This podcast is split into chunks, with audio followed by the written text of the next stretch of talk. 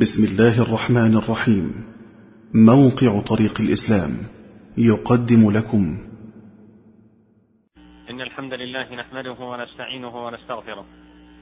ونعوذ بالله تعالى من شرور أنفسنا ومن سيئات أعمالنا من يهده الله فلا مضل له ومن يضلل فلا هادي له وأشهد أن لا إله إلا الله وحده لا شريك له وأشهد أن نبينا محمدا عبده ورسوله يا ايها الذين امنوا اتقوا الله حق تقاته ولا تموتن الا وانتم مسلمون يا ايها الناس اتقوا ربكم الذي خلقكم من نفس واحده وخلق منها زوجها وبث منهما رجالا كثيرا ونساء واتقوا الله الذي تساءلون به والارحام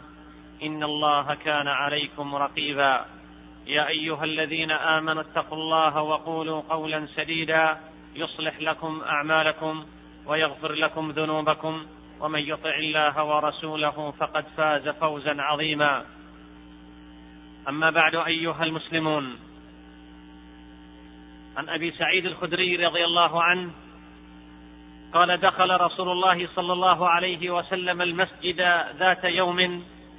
فراى رجلا من الانصار يقال له ابو امامه جالسا فيه فقال صلى الله عليه وسلم يا ابا امامه ما الذي اجلسك في المسجد في غير وقت صلاه قال يا رسول الله هموم لزمتني وديون غلبتني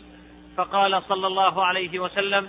اولا ادلك على كلمات اذا قلتهن اذا قلتهن ذهب الله عنك همك وقضى عنك دينك قال بلى يا رسول الله قال قل إذا أمسيت وأصبحت اللهم إني أعوذ بك من الهم والحزن وأعوذ بك من العجز والكسل وأعوذ بك من الجبن والبخل وأعوذ بك من غلبة الدين وقهر الرجال أيها المسلمون إنه الدين هم الليل وذل النهار إنه الدين الذي يزعج القلوب ويشتت الأفكار المديون مهموم مغموم ولو رآه الناس فرحا مسرورا المديون ذليل حسير كثير أسير ولو رآه الناس حرا طليقا كيف يرتاح قلبه وكيف يطمئن فؤاده وهموم الناس أحاطت به من كل جانب كيف يرتاح في بيته وقد طرقت عليه الأبواب من أصحاب الديون وأصحاب الحقوق كيف يرتاح في نومه كيف تنام عينه وهم الدين يقلقها كيف يطمئن جسده ومصائب الحقوق تزعجه لذلك يا عباد الله استعاذ النبي صلى الله عليه وسلم من الدين ومن قهر الرجال الدين يمنع الانسان من الخشوع في صلاته وعبادته والطمانينه في جسده والراحه بين اهله وولده ولذلك ينبغي على المسلم أن يبتعد عن أسباب الدين قدر المستطاع المديون مهموم مغموم فما أحوجه إلى الرحمة والعطف والإحسان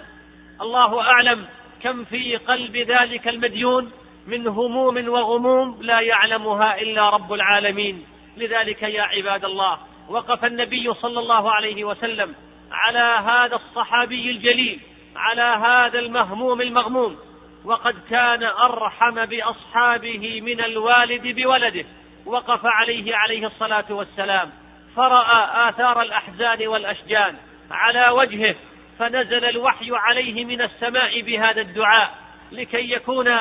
سلوانا للمديونين وعزاء للمعسرين والمنكوبين اللهم اني اعوذ بك من الهم والحزن واعوذ بك من العجز والكسل واعوذ بك من الجبن والبخل واعوذ بك من غلبه الدين وقهر الرجال المديون يصدق عليه قول الشاعر صبت علي مصائب لو انها صبت على الايام عدن لياليا فتجده في الليل وايضا في النهار يسير مستخفيا متواريا خجلا من الناس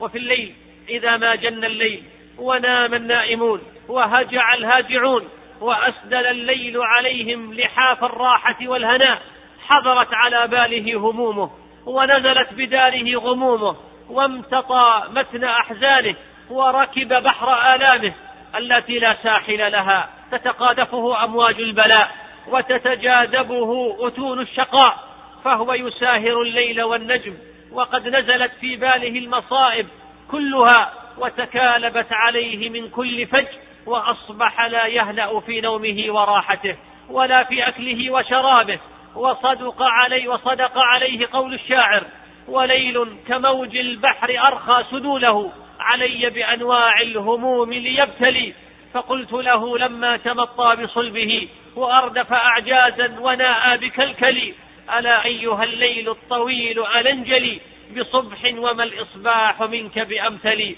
وصدق عليه قول الاخر ما لي وللنجم يرعاني وأرعاه أمسى كلانا يعاف الغمض جفناه لي فيك يا ليل آهات أرددها أواه لو ينفع المحزون أواه فإذا استيقظ استيقظت همومه معه وإذا نام نامت معه فهو سجين في سجن الحياة المتنقل كما يقال في زنزانة متنقلة مع أنه يعيش مع الأحرار وهو ميت في ثياب الأحياء ليس من مات فاستراح بميت إلا الميت ميت الأحياء معاشر المديونين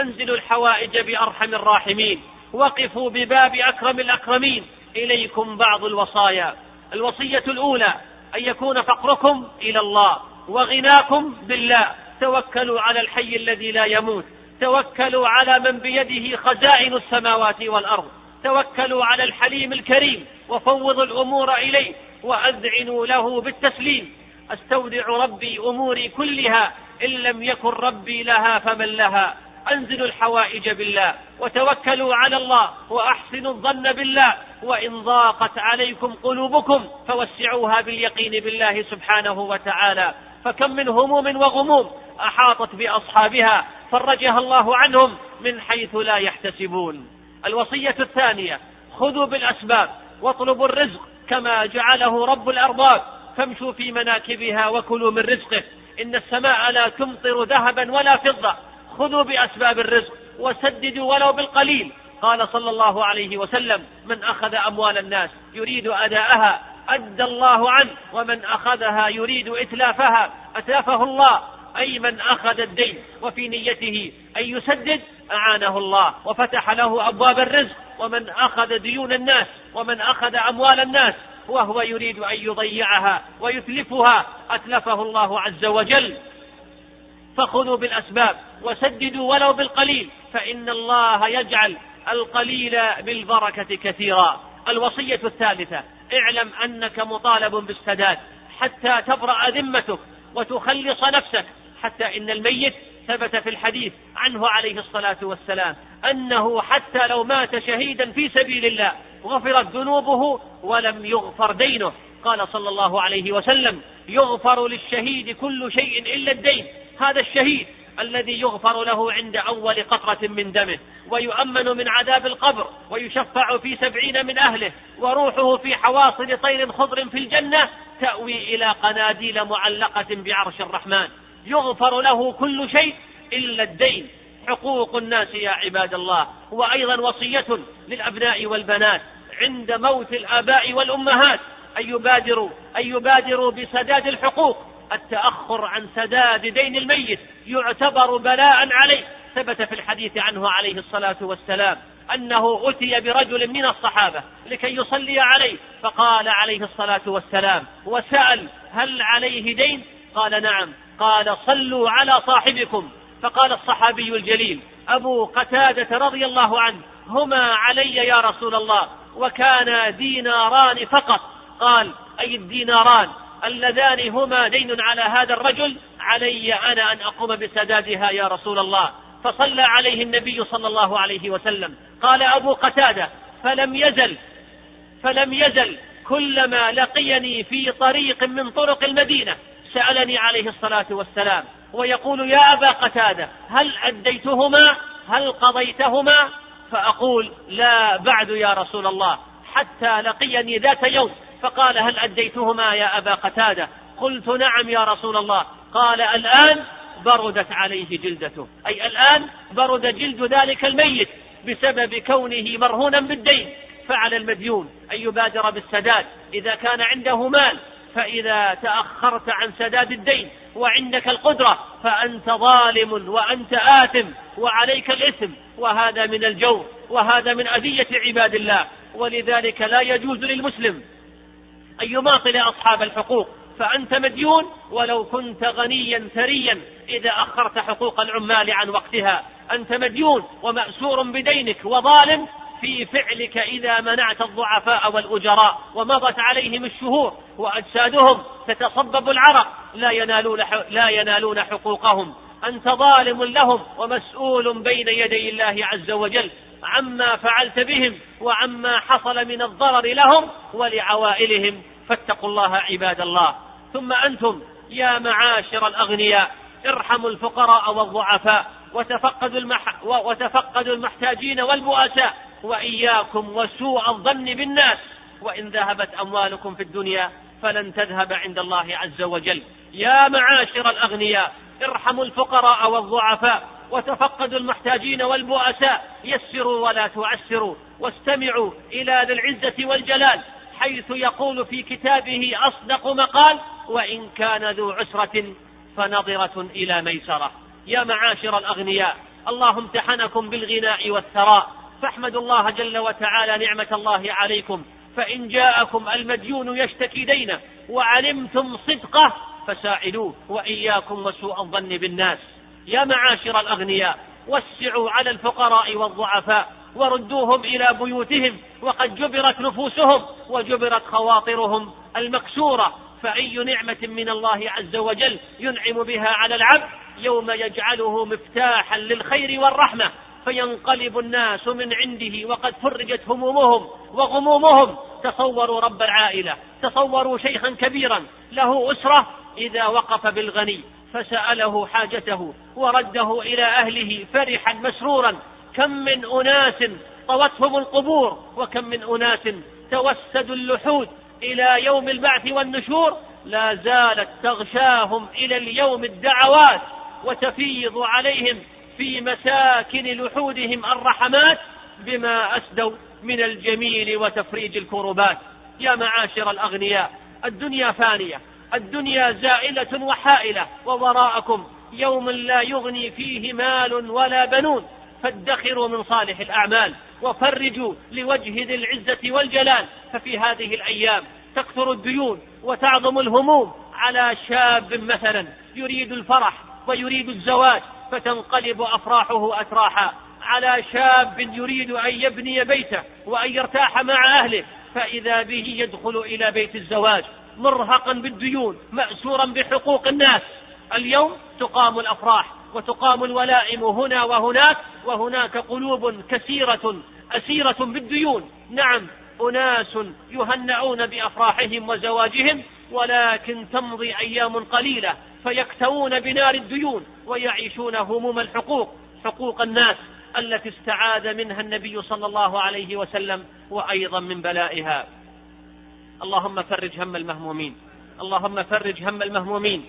واقض الدين عن المدينين واقض الدين عن المدينين واشف مرضانا ومرضى المسلمين أقول قولي هذا وأستغفر الله لي ولكم فاستغفروه إنه هو الغفور الرحيم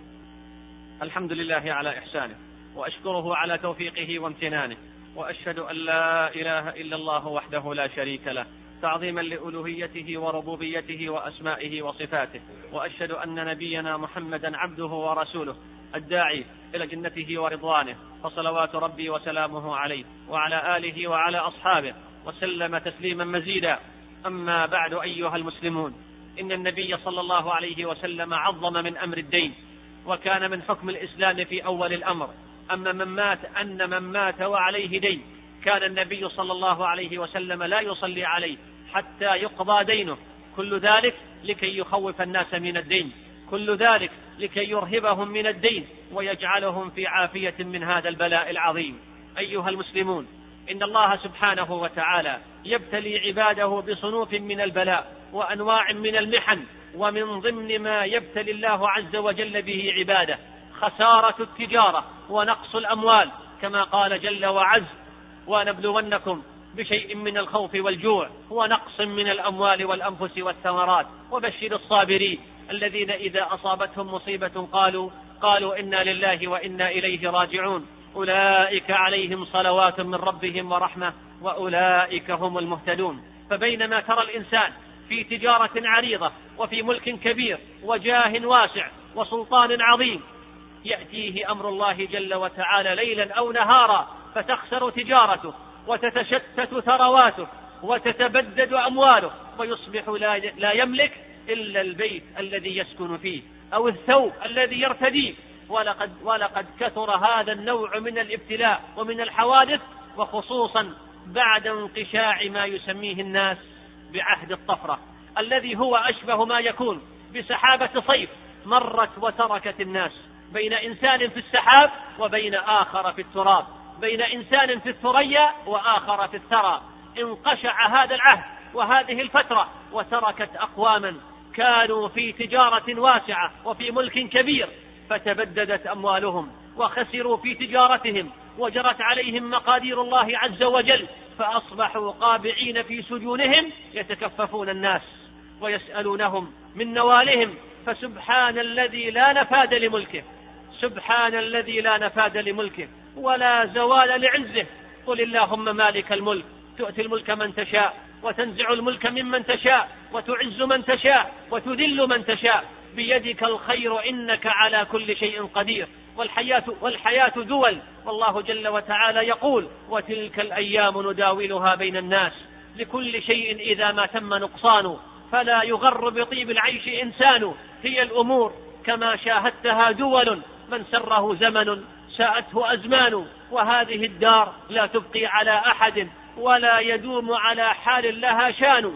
أيها المسلمون إن أمثال هؤلاء الخاسرين المفلسين المعسرين كثير وكثير في زماننا وقد وجه الله سبحانه وتعالى في كتابه العزيز وعلى لسان نبيه الكريم صلى الله عليه وسلم الى معامله هؤلاء المنكوبين المبتلين بما يليق بحالهم وعوزهم وفقرهم والناس في هذا الزمان الذي انقطعت فيه اواصر الاحسان والمعروف وعم الجشع وساد الطمع وفتنت النوايا وساءت الطوايا واصبحت العلاقات مبنية على المصالح الدنيوية وانقطعت الروابط الأخوية الإسلامية وأصبحوا يعاملون بعضهم معاملة مادية ويعامل القوي الضعيف ويعامل الدائن مدينه معاملة يترفع عنها مع معاملة الكافر وربما لا تليق بالحيوان فتجده يسلك مسالك شتى فيظلمه ظلما صارخا ويتعدى عليه ويعتدي عليه ويستغل فقره وحاجته كم سمعنا عن مصائب كثيرة كم من أسرة تشتتت بسبب ظلم الدائن لمدينه وكم من زوجة طلبت الطلاق من زوجها لأنها لا تشاهده إلا ساعة من أسبوع أو ساعة في الشهر لأنه في سجنه كم من امرأة شريفة ما اعتادت ولم تعتد أن تسأل يوما من الدهر وقفت تطرق أبواب المحسنين وتستجدي نوال المتفضلين تسألهم من نوالهم ومن فضل الله جل وتعالى عليهم مع أنها لم تتعود هذا النمط من السؤال لأن زوجها قد سجن وترك لها صبية لا تجد ما تحملهم عليه وكم أيضا من امرأة شريفة عفيفة اضطرتها مطرقة الفقر الثقيلة حتى سلكت سبلا ملتوية وراء الشر والبغاء والشقاء والفجور والعياذ بالله أيها المسلمون لقد بين الله عز وجل في كتابه المبين أن المدين إذا بلغ به الحال إلى حد العسرة ولم يتمكن من السداد فإن معاملته يجب أن تكون من خلال طريقين لا ثابت لهما أما الطريق الأول فهو إنظار المدين حتى يفتح الله عز وجل عليه باب الرزق وحتى يبدل الله عسره يسرا